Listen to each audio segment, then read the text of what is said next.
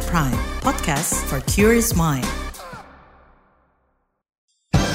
Saatnya Anda dengarkan Ruang Publik KBR.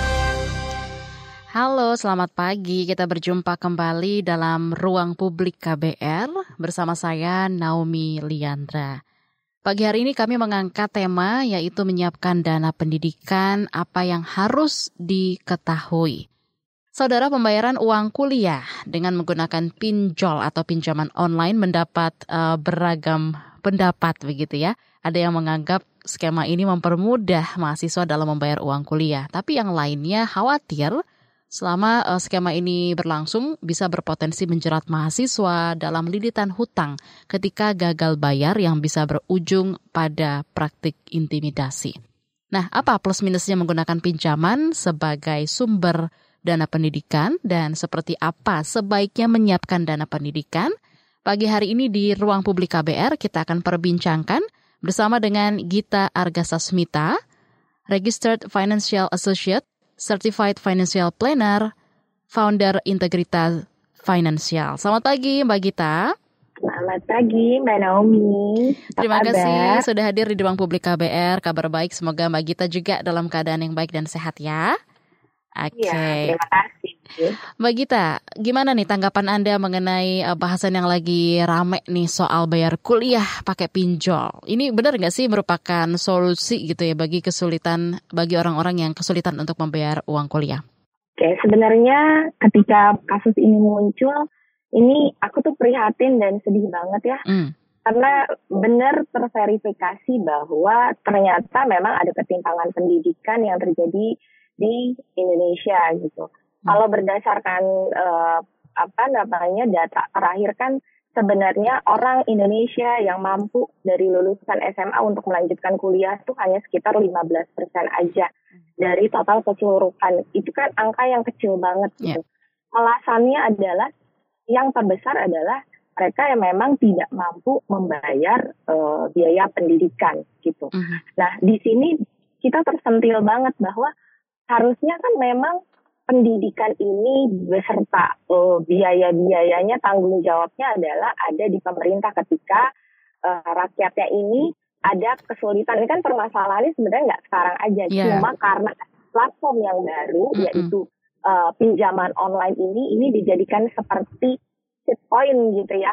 Uh, per, apa namanya solusi yang instan banget nih ada uh, ketika ada banyak mahasiswa yang ternyata tidak mampu untuk membayar kuliah, akhirnya uh, ini adalah solusi yang termudah yang paling gak ribet yang bisa diambil sama universitas gitu. Padahal harusnya ada cara-cara lain karena pinjaman online sendiri kita kan udah tahu ya beberapa tahun ini permasalahannya itu uh, luar biasa um, apa dampaknya itu luar biasa banget ya apalagi ketika ini udah masuk di ranah yang pendidikan yang harusnya tuh semua orang ini menjadi hak semua orang gitu. Hmm. Ini uh, apa namanya ada masuk swasta dan mengambil benefit dari uh, apa namanya ketidakmampuan masyarakat dalam menempuh pendidikan gitu sih menurut Mbak Naomi. Jadi pinjol ini dianggap uh, jadi solusi tanpa ribet gitu ya yang diambil kampus. Oke. Okay. Mbak Gita, uh, bila mau atau terpaksa menggunakan pinjaman seperti pinjol gitu ya buat biaya pendidikan, sebenarnya apa sih hal-hal yang memang harus diperhatikan? Sebenarnya jawabannya itu bukan sama sekali opsi hmm, gitu okay. untuk mengambil uh, pinjaman. Jadi kalau misalnya di financial ilmu financial planning sendiri, Mbak Naomi, hmm. itu tuh ada step-step untuk ketika kita membutuhkan uh, apa namanya ada uh, ada ada kebutuhan kita yang urgent banget, itu okay. ada step-stepnya. Kita harus lihat uh, keberadaan aset-aset kita, mana yang paling produktif, mana yang uh, misalnya bisa secara hmm. cepat kita jual gitu ya. Jadi di sini poinnya harus benar-benar kita tuh harus melek, harus uh, harus uh, harus mengenal diri kita sendiri. Ini sebenarnya kita kemampuannya tuh seperti apa sih? Nah baru dari situ kalau misalnya ada kebutuhan yang urgent banget, hutang berhutang sendiri walaupun bukan pinjol itu bukan solusi yang pertama kali. Apalagi kalau misalnya harus pinjol gitu. Karena biayanya itu nggak sebanding sama apa yang e, nanti resikonya bisa kita dapetin gitu. Mm -hmm. Oke. Okay. Tapi Mbak uh, Gita, apakah ini berlaku hanya pada pinjaman online saja atau uh, pinjaman pada umumnya nih Mbak Gita? Oke, pinjaman pada umumnya sebenarnya yang membedakan pinjaman online sama pinjaman yang lain-lain itu kan uh, ada produktivitasnya, bunganya gitu ya. Kalau misalnya kita ngambil KPR mm -hmm. atau misalnya kita ngambil uh, pinjaman kendaraan, itu kan kita jelas ya. Habis itu kita dapat asetnya gitu. Okay. Jadi kalau misalnya ada apa-apa, uh, misalnya kita gagal bayar, ya mau nggak mau kita uh, uh, aset itu akan disita gitu dan hmm. bunganya juga ketika ada aset juga nggak terlalu besar. Kalau misalnya semakin gampang kita akses pinjamannya, maka bunganya juga akan semakin heboh tuh, akan semakin tinggi gitu dan itu akan menjadikan kita jadi kesulitan belajar gitu. Um, apalagi ada resiko-resiko oh, debt collectornya galak banget gitu kan, itu kan uh, jadi selama ini makanya banyak kasus-kasus yang sampai orang bunuh diri okay. gitu kan. Gitu. Baik. Tapi nih Mbak, uh, walau bukan jadi solusi gitu ya seperti yang tadi Anda katakan, kenyataannya di lapangan gitu ya, di kehidupan nyata kita yang saat ini sedang dihadapi adalah pinjol ini sudah dijadikan sumber biaya pendidikan begitu ya. Nah, ini apa dampaknya secara keuangan saat ini dan masa depan bagi mahasiswa dan keluarganya kalau bayar kuliah pakai pinjaman online? Oke. Kalau misalnya bayar kuliah pakai pinjaman online, terus dia mampu bayarnya, tepat waktu bayarnya, tentu itu nggak terlalu menjadi masalah ya. Mm-mm. Palingan yang menjadi masalah itu masalah ke habit aja. Um, apa namanya sesuatu yang mudah, uh, solusi yang paling mudah, uh, solusi yang kita ambil uh, yang paling mudah itu menjadikan kita menjadi orang yang berpikirnya instan. Jadi apa apa, oh kalau misalnya ada masalah apa apa nih gampang ada pinjol nih, ada tinggal hutang aja, tinggal gesek kartu kredit dan lain-lain gitu. Palingan itu tuh masalah mentalnya aja. Tapi kalau misalnya udahlah ini biaya tinggi, terus kemudian diambil sama eh, orang-orang yang memang sebenarnya secara keuangan itu nggak masuk ke dalam, uh, dia tuh nggak mampu ngambil hutangnya. Ini kan berbahaya banget, mbak. Gitu. Mm. Nah, uh, makanya ini tidak menjadi solusi yang tepat untuk uh, apa namanya untuk diambil sebagai biaya pendidikan. Makanya biaya pendidikan itu harus banget dipikirkan dan dipersiapkan jauh-jauh hari sehingga hal-hal seperti ini tuh kita nggak terhindar kita dari hal-hal seperti ini. Kan uh, yang namanya pinjol itu bahasanya adalah untuk orang-orang yang mepet gitu ya Mbak ya, yang nggak punya uh, apa prepare untuk melakukan transaksi ataupun mendapatkan sesuatu. Nah, kalau ngomongin soal ramainya soal alternatif pembiayaan biaya kuliah ini dengan pinjol, pemerintah kan juga sudah mulai mengkaji gitu ya yang disebut dengan student loan atau pinjaman pelajar. Nah, seperti apa nih tanggapan Anda? Apakah uh, dengan pinjaman pelajar ini bisa jadi alternatif pembiayaan pendidikan di Indonesia nih Mbak Gita? Oke, sebenarnya ini kalau ketika pemerintah yang turun tangan sebenarnya kan jauh lebih baik ya Mbak. Hmm uh, apa namanya pemerintah yang mengambil tanggung jawab ini sendiri. Sebenarnya ini bagus banget, apalagi kita kan punya LPDP. Terus udah gitu uh, mereka tuh punya dana abadi untuk pendidikan. Pak, uh, kabarnya sendiri ini sebenarnya sih masih dalam kajian perbankan ya. Dalam kajian uh, pemerintah dan perbankan skemanya akan seperti apa? Apakah nanti katanya akan berbasis kepada apa namanya tenggat waktu, artinya ada tenggat waktu tertentu, misalnya 10-20 tahun ini harus dilunasi gitu ya.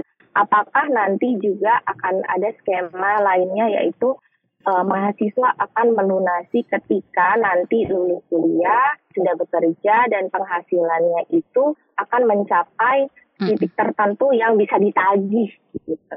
Oh, okay. Ini kan sebenarnya oke okay banget sebenarnya, tapi permasalahannya adalah ini sangat bergantung pada pencatatan uh, apa namanya pajak kita, penyerapan tenaga kerja kita gitu ya yang harus dibenahi. Karena mereka kan akan membayarnya katanya uh, setelah lulus kuliah dan bekerja. Mm. Nah, kita menghadapi uh, bonus demografi yang tinggi sekali nih. Mm -hmm. Sehingga akan ada banyak or, uh, lulusan uh, lulusan universitas yang nanti akan membludak dan kemudian nanti pasar tenaga kerjanya bagaimana? Apakah terserap semua? Kalau nggak terserap semuanya, uh, agak bingung juga nanti bayarnya nih gitu, Mbak. Jadi permasalahannya hmm. apa namanya juga akan lebih kompleks lagi nantinya gitu tergantung nanti uh, dari itu tuh tadi isu ketenaga kerjaan, terus kemudian pencatatan hmm. pajak juga gitu ya. Karena yang tahu penghasilannya berapa nanti kan Iya, uh, betul. mau nggak mau ya dicek SPP kan. Benar, benar. Gitu. Jadi gimana nih kalau uh, kenyataannya si mahasiswa ini sudah uh, lulus begitu ya lulus kuliah terus, terus belum dapat pekerjaan tadi seperti yang sudah Mbak kita sampaikan. Terus gimana caranya untuk nagih juga ya Mbak ya? ya uh, itu menjadi PR besar. tapi uh, tapi yeah. uh, wacana ini adalah wacana yang sangat baik karena mm uh, artinya pemerintah mulai peka nih bahwa ini loh banyak orang yang harus dibantu gitu calon-calon uh, mahasiswa yang harus dibantu ini jangan-jangan anak-anak pintar ini uh, apa namanya kesandungnya biaya kuliah biaya okay. kuliah terus nggak bisa ngelanjutin gitu. Nah tapi kalau ngomongin lagi soal pinjol, fenomena pinjol ini kan sudah membesar banget lah ya dan luas jangkauan target dan juga dampaknya seperti apa. Sebagai perencana keuangan, seperti apa nih Mbak Gita sendiri melihat fenomena pinjol ini? Apakah pada suatu titik ini akan menurun pemakaiannya atau sebaliknya malah makin banyak makin meningkat dan tidak bisa dikontrol? Oke, kalau melihat kenyataan di masyarakat sebenarnya sedihnya adalah saya harus jawab kayaknya akan semakin banyak ya. Karena kita tuh gini uh, berhutang itu kan sebenarnya adalah keputusan besar gitu. Dan kemudian kita tuh nggak terlatih untuk apa namanya mengatur keuangan. Kita tuh nggak ada tuh apa dari dari SD SD uh, negeri misalnya mengajarkan uh, bagaimana anak-anak ini mengatur pola keuangannya gitu. Dan itu kan uh, apa namanya pelajaran skill uh, life skill gitu ya. Nah itu nggak ada tuh. Nah uh, itu kan akarnya dari situ bagaimana mereka mengelola keuangan sehingga bisa menghindari hutang, terus berpikir ketika mengambil hutang itu ini adalah keputusan yang besar, uh, return risknya bagaimana gitu kan. Nah, kita nggak terbiasa dengan itu dan kemudian udah gitu kita dicep, kita biasa dicepoki di sosial media itu kan semakin banyak kehidupan yang glamor gitu ya kan, hedonisme dan lain-lain.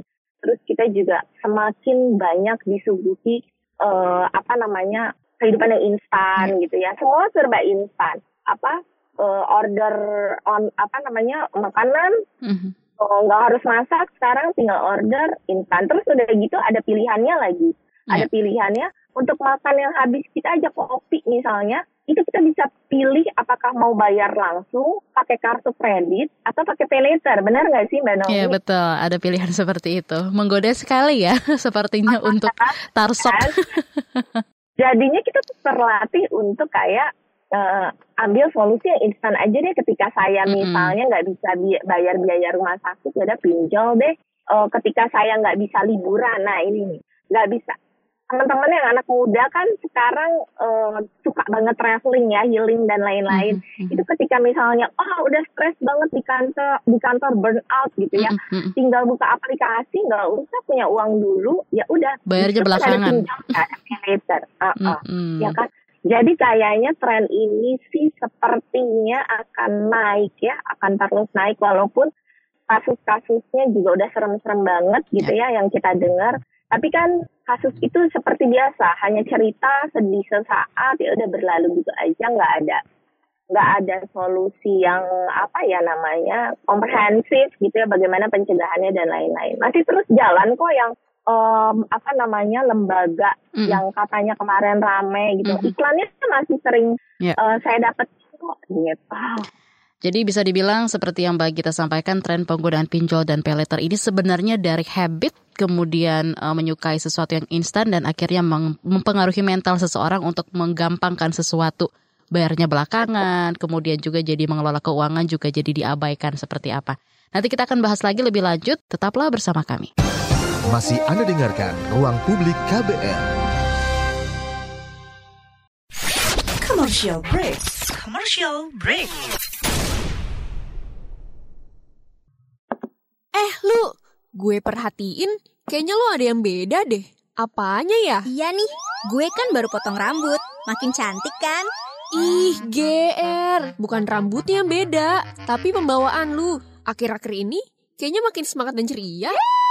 Jelas dong. Gimana nggak semangat kalau setiap pagi dapat asupan vitamin BP? Hah? Vitamin BP? Apaan tuh? Itu loh, BP, buletin pagi. Bisa aja Lulu, bener banget. Buletin pagi asupan paling pas di pagi hari. Dapatkan berita-berita terhangat di pagi hari. Setiap Senin sampai Jumat pukul 6 pagi hanya di radio jaringan KBR di seluruh Indonesia. Masih Anda dengarkan Ruang Publik KBR. Menyiapkan dana pendidikan apa yang harus diketahui. Jadi tadi sudah uh, kita obrolin bersama gitu ya di awal bahwa ternyata memang tren penggunaan pinjol dan peleter ini ke depan akan makin meningkat karena uh, edukasi mengenai ini masih sedikit gitu ya.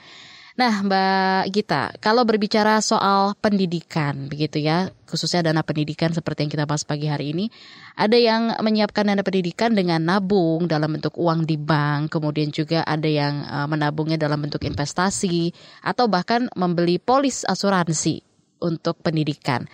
Dalam uh, pandangan Anda sendiri apa nih plus minusnya skema-skema ini dalam menyiapkan dana pendidikan? Ya, suaranya mohon diaktifkan dulu Mbak, mohon maaf. Silakan. Ya, produk produk ketika misalnya kita tempelin nama pendidikan itu pasti akan laku banget gitu. Hmm. Karena orang tua tuh uh, pasti akan memberikan yang terbaik dan mengusahakan yang terbaik untuk anak-anaknya gitu. Nah, salah apa enggak? Mana yang paling baik sebenarnya adalah se, uh, tergantung dari rencana pendidikannya seperti apa. Makanya ketika ketika misalnya orang menikah terus kemudian hamil itu tuh udah harus udah tahu tuh oh saya tuh mau um, anak saya tuh dimulai dari pra TK atau langsung TK aja gitu. Mm -hmm. Terus udah gitu mau di mana nih gitu. SD-nya misalnya SD, SMP, SMA mau negeri atau swasta dan yang seperti apa gitu. Jadi harus harus udah dipikirin karena ini menyangkut dari pemilihan salah satunya adalah pemilihan instrumennya. Okay. Instrumen yang akan membantu kita gitu.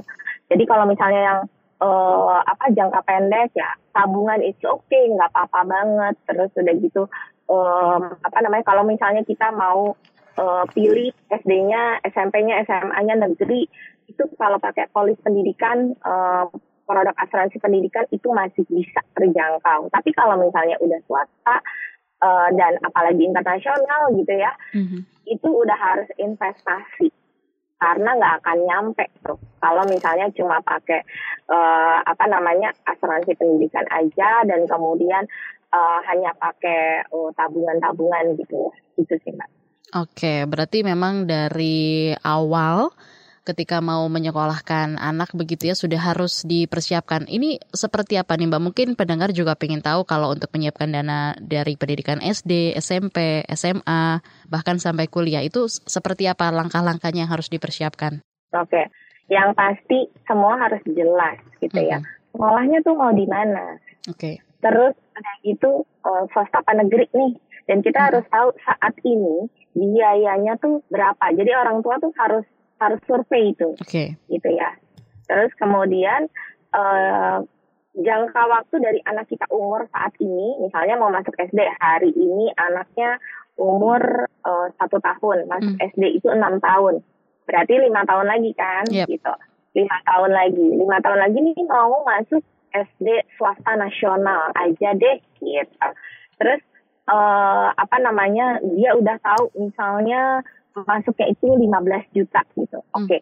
targetnya adalah li, 5 tahun lagi 15 juta ini akan jadi berapa? Karena inflasi pendidikan di Indonesia cukup tinggi 10 sampai 20 persen. Hmm. Jadi yang menjadi target itu bukan 10 juta lagi tapi uh, inflasi 5 tahun ke depan 10 hmm. juta ini menjadi berapa? Itu yang harus kita kejar. Terus sudah gitu kita udah tahu ini 5 tahun lagi anak ini mau masuk berarti uh, ini uh, jangka menengah bisa misalnya masuk ke uh, investasi misalnya reksadana pendapatan tetap atau obligasi pemerintah.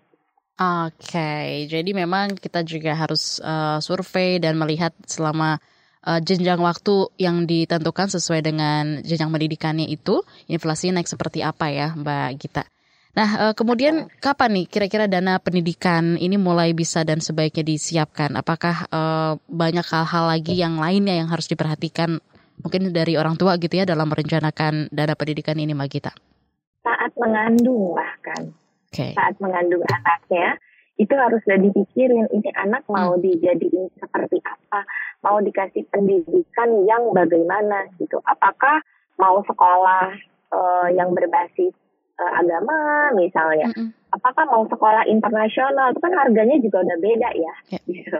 Nah terus udah gitu apakah uh, pendidikannya mau dimulai sedini mungkin misalnya dua tahun atau tadi uh, TK aja gitu. Jadi perbedaannya apa sih ketika misalnya kita udah tahu misalnya oh, oh pokoknya anak saya harus mulai pendidikannya dua tiga tahun berarti kan uang yang akan diinvestasikan itu akan semakin tight nih waktunya gitu yeah, kan yeah. Uh, satu tahun dua tahun harus udah ready nih gitu tapi kalau misalnya oh TK aja TK-nya misalnya umur empat tahun ini masih hamil nih misalnya empat tahun lagi uang yang tadinya buat play, uh, playgroup gitu ya pra TK itu bisa dimanfaatkan untuk ya udah kita buat TK dan SD-nya aja gitu hmm. jadi uh, bahkan pas kita mengandung tuh kita harus udah punya angan-angan gitu ya, mimpi cita-cita buat anak kita tuh akan dijadikan seperti apa nih pendidikannya mau masuk bagaimana dan yang harus diperhatikan juga adalah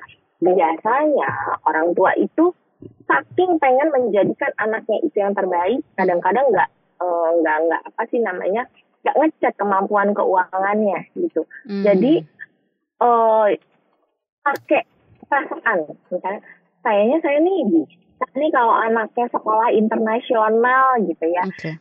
datanya dari mana kemampuannya itu dia bisa bilang dirinya mampu tuh dari mana pernah ngecek nggak mm. gitu mm. Uh, pernah ngitung nggak nah orang tua ya ya kekurangannya uh, adalah sering kali kalau misalnya punya mimpi itu nggak dihitung tapi pakai perasaan dan pakai tekad doang nih mas gitu.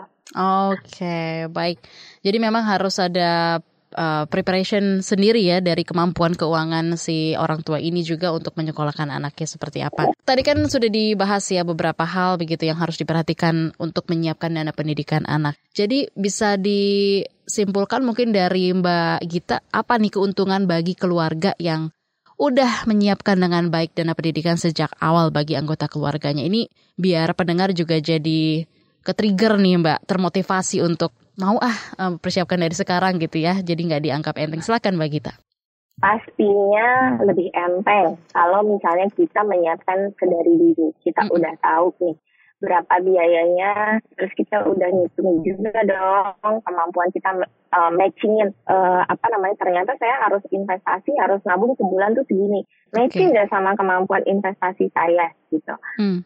biasanya biasanya satu keluarga itu kita menghitungnya kemampuan investasinya tuh 20 sampai 30 persen dari pendapatan bulanannya hmm. apakah untuk mencapai misalnya kuliah gitu ya tapi kita udah pikirin ketika anaknya masih TK, masih SD gitu. Hmm. Apakah untuk mencapai kuliah tersebut saya udah tahu nih harus investasi segini. Ini masuk nggak ke 20 sampai 30 persen pendapatan saya gitu. Hmm. hmm, hmm. Dan tentunya ketika dan tentunya jauh-jauh hari pasti jauh lebih ringan angkanya gitu ya. Yeah. Ya. E, apa namanya dibandingin ketika nanti kita baru sadar mau SMA harus mencapai 500 juta misalnya gitu.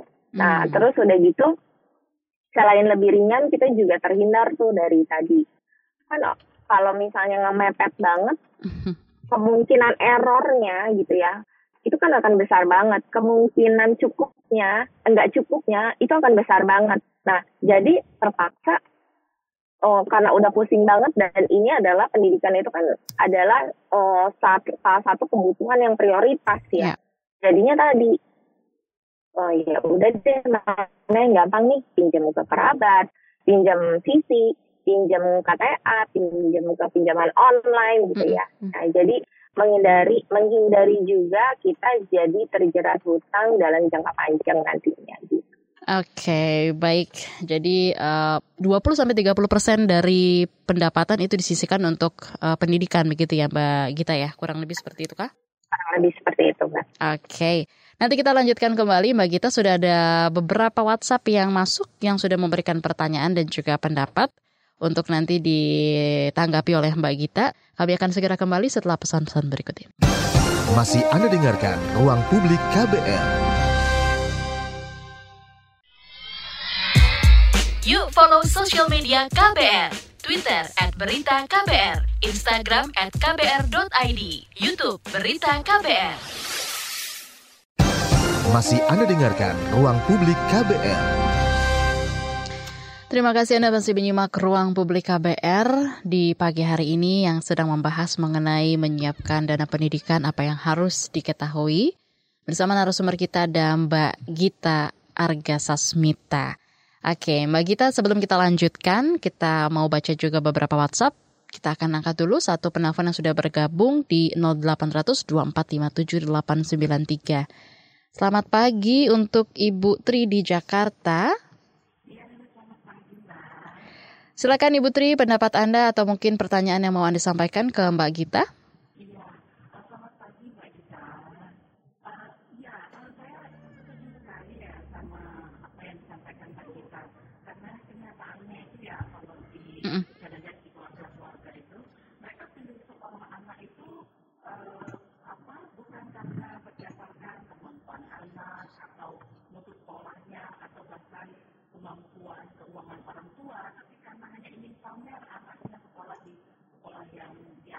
Okay. Mm-mm.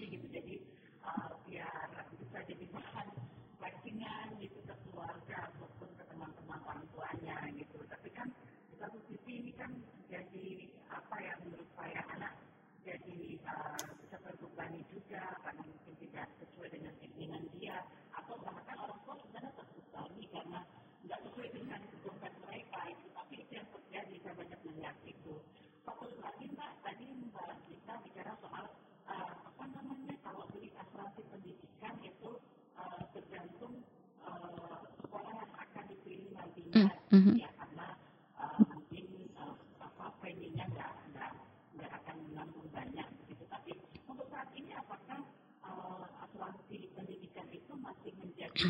pilihan orang tua mbak atau lebih ke investasi begitu mbak dan sebenarnya kalau selain uh, dia mungkin tidak uh, bisa menanggung yang besar apalagi plus minusnya kalau kita beli uh, asuransi pendidikan itu mbak itu saja Terima kasih Ibu Tri di Jakarta atas uh, pendapatnya dan juga pertanyaan yang disampaikan. Gimana nih Mbak Gita soal orang tua yang bisa dibilang memaksakan gitu ya uh, keuangannya untuk pamer atau flexing padahal anaknya juga uh, tidak terlalu nyaman mungkin sekolah di tempat yang dipilih. Kemudian juga soal asuransi pendidikan juga polis asu polis asuransi seperti apa yang memang harus dipersiapkan juga tergantung dengan jenjang pendidikannya. Silakan Mbak Gita mohon ditanggapi. Terima kasih Bu Tri um, atas uh, komentar dan pertanyaannya. Um, jadi untuk yang pertama ya, uh, sebenarnya banyak gitu ya. Banyak seperti itu. Mungkin ini pengaruh juga tadi ya sosial hmm. media kita uh, kita kita bisa berbangga bangga di sosial media kalau misalnya uh, kita punya circle uh, apa tempat sekolah anak-anak kita tuh yang bergengsi gitu ya. Hmm. Uh, mungkin di sisi lain juga enggak semuanya flexing tapi misalnya ya memang ibu bapaknya misalnya memang pengen yang terbaik sehingga mereka memaksakan tapi kan ya. sesuatu yeah. yang dipaksakan di luar kemampuan itu kan enggak baik ya belum lagi kalau misalnya pemilihan sekolah kita itu adalah sekolah yang lingkungannya mahal, hmm. kita juga harus bersiap selain dengan SPP-nya yes. adalah dengan biaya sosialnya. Makan di kantinnya berapa, hmm. terus biaya pergaulannya berapa gitu hmm. ya. Hmm. Uh, liburan anak-anaknya nanti ke mana hmm. gitu kan. Itu juga kan mempengaruhi nanti mental kita sebagai orang tua maupun mental anak. Mungkin kita sebagai orang tua kuat, tapi mental anaknya gimana? Yes. Itu yang harus di dipertimbangkan jauh-jauh oh, apa namanya lebih dalam lagi gitu ya dalam memilih sekolah. Terus yang kedua tentang asuransi pendidikan. Yeah. Sebenarnya uh, sebagai perencana keuangan sebenarnya saya uh, tidak terlalu setuju menyiapkan as, uh, pendidikan sekolah gitu ya dengan asuransi pendidikan kecuali okay. sekolahnya itu adalah sekolah negeri gitu. Oh, karena masih terjangkau mm-hmm. gitu.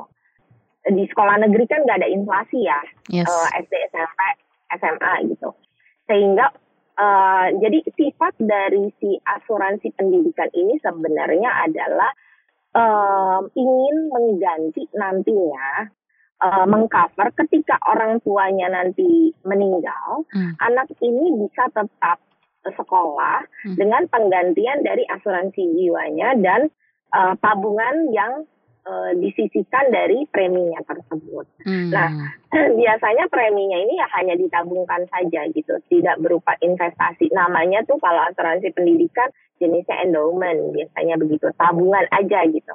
Nah, ini tidak akan pernah cukup untuk mengcover kalau sekolahnya swasta tetapi okay. bisa dijadikan sebagai dukungan atau support. Uh, misalnya sekolahnya anaknya swasta, mm -mm.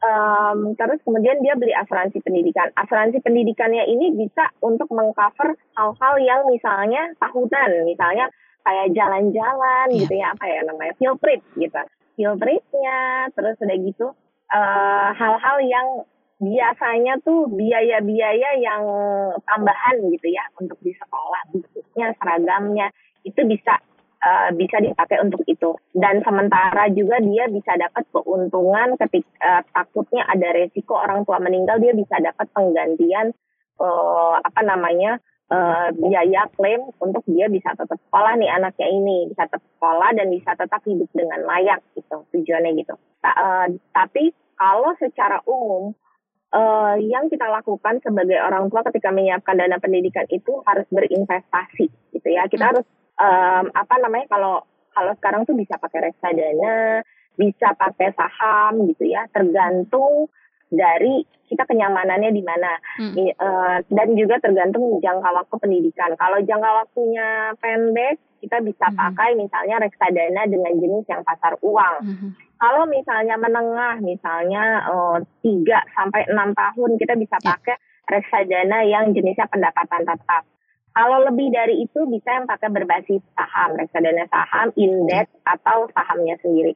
Tapi Mbak Naomi kalau sekarang itu yang saya amati, kalau dulu itu zaman-zaman mungkin 2000-an, tahun 2000-an ke bawah, um, instrumen investasi itu bisa mengejar inflasi.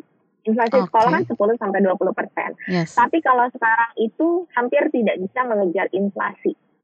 Jadi hanya mensupport ibaratnya kalau misalnya kita usahanya tadinya harus 100% dengan dibantu investasi, usaha kita bisa setengahnya deh 50 sampai 60 uh, eh, sorry uh, usaha kita bisa kurang dari setengahnya misalnya 40 persen usaha kita 60 persennya itu dibantu sama investasi gitu. Okay. Jadi um, kesimpulannya adalah uh, tetap kalau misalnya rencana dana pendidikan itu pakainya instrumen investasi gitu ya. Tapi kalau misalnya untuk mensupport gitu ya, untuk mensupport itu bisa pakai uh, asuransi pendidikan. Oke, okay, baik. Tapi kah, uh, tapi apakah Mbak Gita sudah melihat nih upaya orang tua di Indonesia menggunakan investasi untuk menyiapkan dana pendidikan nih Mbak? Hmm, sudah banyak kok yang melek hmm, untuk hmm, hmm uh, investasi. Tetapi yang yang kurang adalah uh-huh. liter apa namanya literasinya tuh udah udah udah udah luas ya. Okay. Tapi pemahaman terhadap produk investasinya yang sendiri gitu. Inklusinya itu yang kurang. Jadi suka salah produk.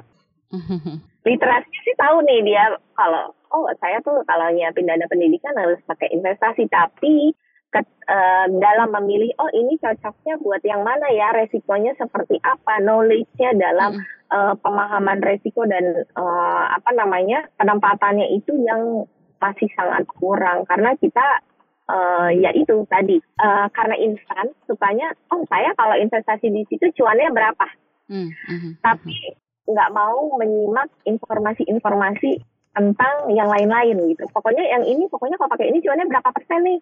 Hmm. Tapi nggak mau knowledge yang lebih dalamnya lagi tentang cara-caranya, tentang resikonya, bagaimana mengontrol resiko gitu ya. Itu ketinggalan gitu.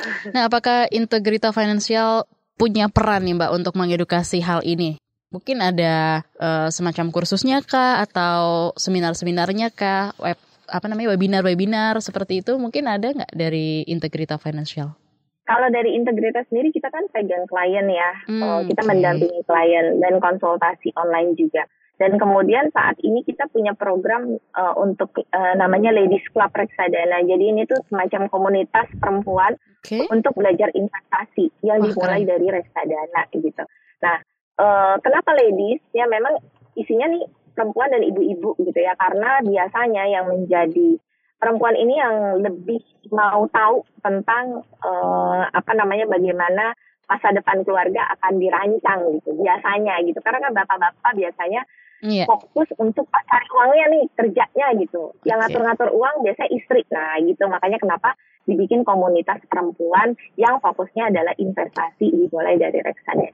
Ini keren banget nih Mbak Gita Ladies Club Reksadana. Mungkin uh, pendengar yang pengen tahu informasi yang lebih lanjut boleh cek di sosial media kah atau di mana nih Mbak Gita? Ada di sosial media, di sosial media uh, gita.argasasmita atau at integrita.fp. At integrita.fp. Saya akan bacakan uh, satu atau dua WhatsApp ya Mbak Gita yang sudah bergabung. Dari Jakarta ada Ibu Tami mendengarkan melalui MS3 FM. Halo Bu Tami, selamat pagi. Saya setuju belajar mengelola keuangan sejak kecil, tapi masih sedikit yang diedukasi apalagi saat ini banyak tawaran pinjol dan pay letter keluarga dan sekolah punya peran penting. Satu lagi, dari Padang ada Ibu Dewi. Dalam pandangan Mbak Gita, apa nih yang harus dilakukan untuk mengedukasi anak muda Indonesia supaya jadikan dana pendidikan prioritas mereka pas punya rencana bentuk keluarga? Silakan Mbak Gimana, Gita. Ya. Yang terakhir apa nih? Dari Padang ada Ibu Dewi, dalam pandangan Mbak Gita, apa yang harus dilakukan untuk mengedukasi anak muda Indonesia agar menjadikan dana pendidikan prioritas mereka ketika punya rencana ketika membentuk keluarga. Nah ini penting banget orang tua ketika anaknya udah punya rencana menikah itu harus kayak ngobrol gitu ya sama hmm. anaknya dan sharing aja pengalaman bagaimana mereka kemarin-kemarin ini menyiapkan dana pendidikan sampai anaknya sekarang udah mau nikah lagi gitu. Yeah. Nah terus juga peran dari uh, kalau kita kan sebenarnya ada pendidikan pranikah ya. Yeah. Uh, sebelum kita di sebelum kita nikah tuh di KUA tuh ada pendidikan pranikah. Nah, kurikulum untuk perencanaan keuangan sebaiknya sih dimasukkan tuh di situ mm, gitu. Mm.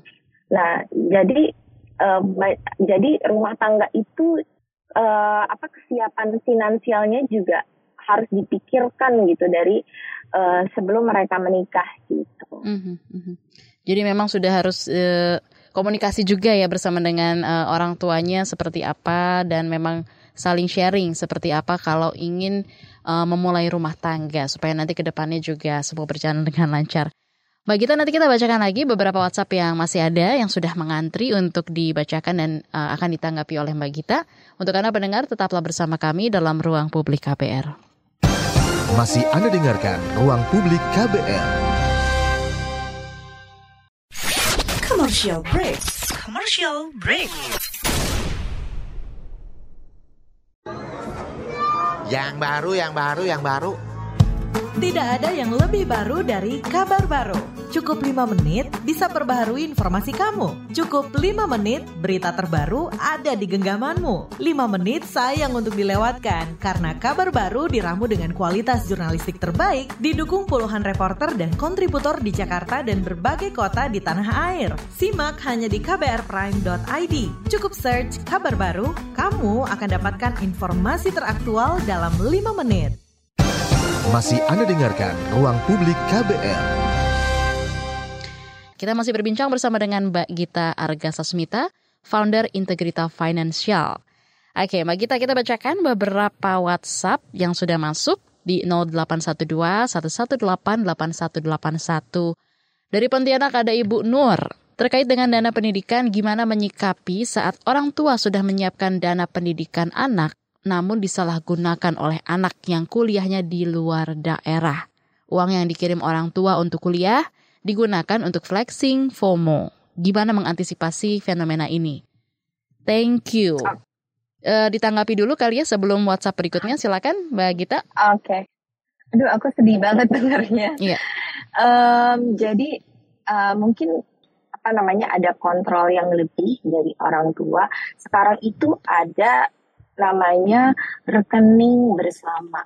Okay. Jadi uh, mungkin ini bisa menjadi solusi ya untuk uh, orang tua yang apa namanya ngasih uang bulanan ke anaknya mm -hmm. dan mungkin anaknya agak jauh nih uh, di luar kota gitu ya, itu bisa pakai rekening bersama. Jadi nanti uh, apa namanya orang tua juga bisa akses rekening tersebut, bisa ngecek rekening tersebut. Nah kalau misalnya ada transaksi apa-apa, misalnya si uh, ini bisa diatur apakah si anak perlu uh, meminta izin orang tuanya untuk approve atau hmm. enggak gitu. At, uh, apa namanya ada juga yang mungkin tidak perlu izin orang tua untuk mengakses rekeningnya, untuk meng, apa namanya uh, untuk eksekusi rekeningnya gitu ya, transfer dan sebagainya macamnya. Tetapi orang tua tetap bisa akses informasi ke dalam rekening tersebut. Mungkin ini bisa menjadi pilihan untuk mengontrol uh, uang keluar masuk untuk si uh, anak ya, gitu Jadi bisa uh, menggunakan rekening bersama ya, mungkin itu salah satu solusi yang bisa iya, dilakukan. Ya, joint account dari Ibu Nur di Pontianak atau juga ibu-ibu yang lainnya yang juga mungkin mengalami hal yang sama seperti Ibu Nur. Oke, kita lanjut lagi Mbak Gita, bacakan beberapa WhatsApp dari Jogja ada Ibu Rani. Ingin bertanya, gimana alokasi dana pendidikan kalau dibarengi dengan beasiswa, terutama beasiswa yang tidak dikasih full? Ditanggapi dulu silakan. Biasanya beasiswanya beasiswa bidik misi ya.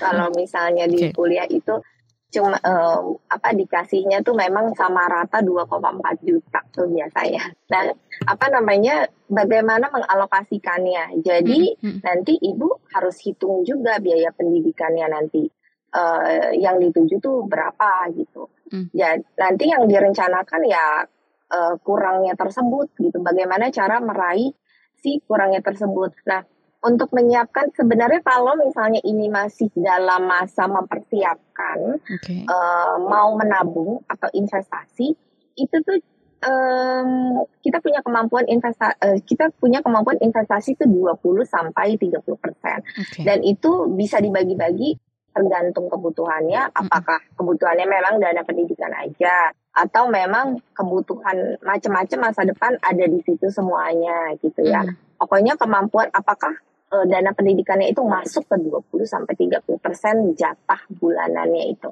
Okay. Nah, uh, uh, nah seperti itu. Nah, apa, tapi kalau misalnya udah berjalan kan sebenarnya lebih gampang tuh ngitungnya.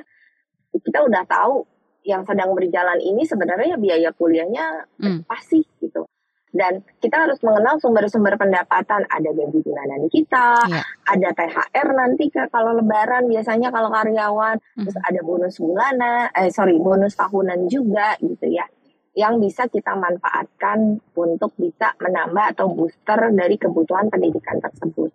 Oke, okay, baik. Terima kasih semoga menjawab pertanyaan Ibu Rani di Jogja. Satu lagi dari Surabaya ada Pak Reynald, ya, ini dari bapak-bapak nih Bu. Oke. Okay. Ya, Apakah bisa kalau persiapin dana pendidikan anak saat baru menikah, gimana pembagian dana yang harusnya dilakukan pasangan supaya tidak ganggu dana untuk keperluan lain, Mbak? Silakan Mbak Gita mohon tanggapannya. Justru ketika baru menikah udah mikirin dana pendidikan itu sih bagus banget ya. Karena udah jauh-jauh hari tuh hmm. dipikirinnya.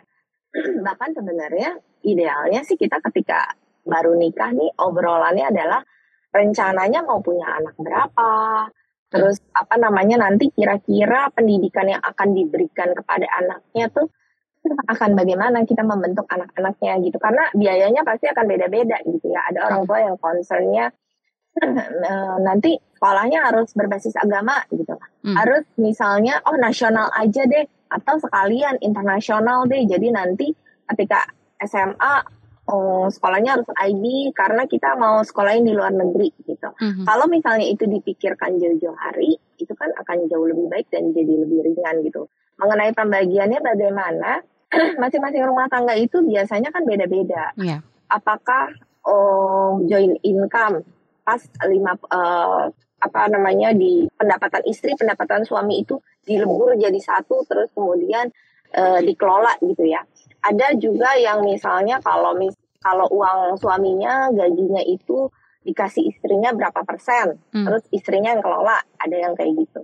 Jadi ini tergantung banget dari obrolan suami istri ini bagaimana mereka itu mau berkontribusi terhadap rumah tangganya gitu Mbak Naomi. Yeah. Nggak ada yang ideal, mm -hmm. nggak ada yang ideal. Jadi bukan bukan berarti kalau misalnya uangnya masing-masing gitu ya hmm. uh, kelola sendiri sendiri itu salah dan bukan bukan juga kalau misalnya uangnya disatuin dilebur itu uh, itu yang paling benar hmm. gitu. Hmm. Jadi itu uh, kondisional sekali tergantung uh, apa kebutuhannya pasangan tersebut, kenyamanan pasangan tersebut gitu, Mbak.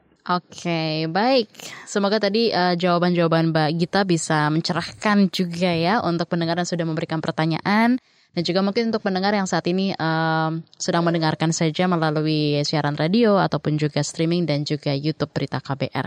Nah, karena waktu sangat terbatas juga, saya juga mau kasih uh, pertanyaan kepada Mbak Gita nih, Mbak. Uh, dari uh, data OJK ini kan berdasarkan kelompok usia peminjamnya juga. Penerima kredit pinjol itu didominasi oleh usianya 19 sampai 34 tahun gitu ya.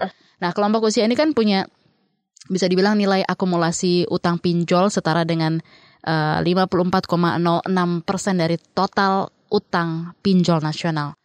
Seperti apa nih Mbak kita melihat hal ini? Apa yang harus jadi catatan ke depannya? Oke. Okay kebanyakan gini anak muda. Artinya uh, orang tuanya ini berarti kurang berkomunikasi soal keuangan. Mm-hmm. Bisa jadi, bisa jadi ini adalah eh, ini jadi koreksi kita bahwa sebenarnya literasi mm. keuangan orang tua dari dulu kita ini belum juga apa namanya belum juga baik gitu ya, belum juga cukup gitu. Artinya kalau misalnya ini udah dimulai dari 19 tahun bahkan ya, hmm. ini kan uh, apa namanya anak-anak ini punya mental yang instan sekali gitu. Yes. Uh, anak-anak ini berarti gak bisa ngatur uangnya gitu, sehingga udah kepikiran kebutuhannya apa sih anak 19 tahun sebenarnya sampai mau uh, apa namanya berhutang pinjol gitu ya. Mm -hmm.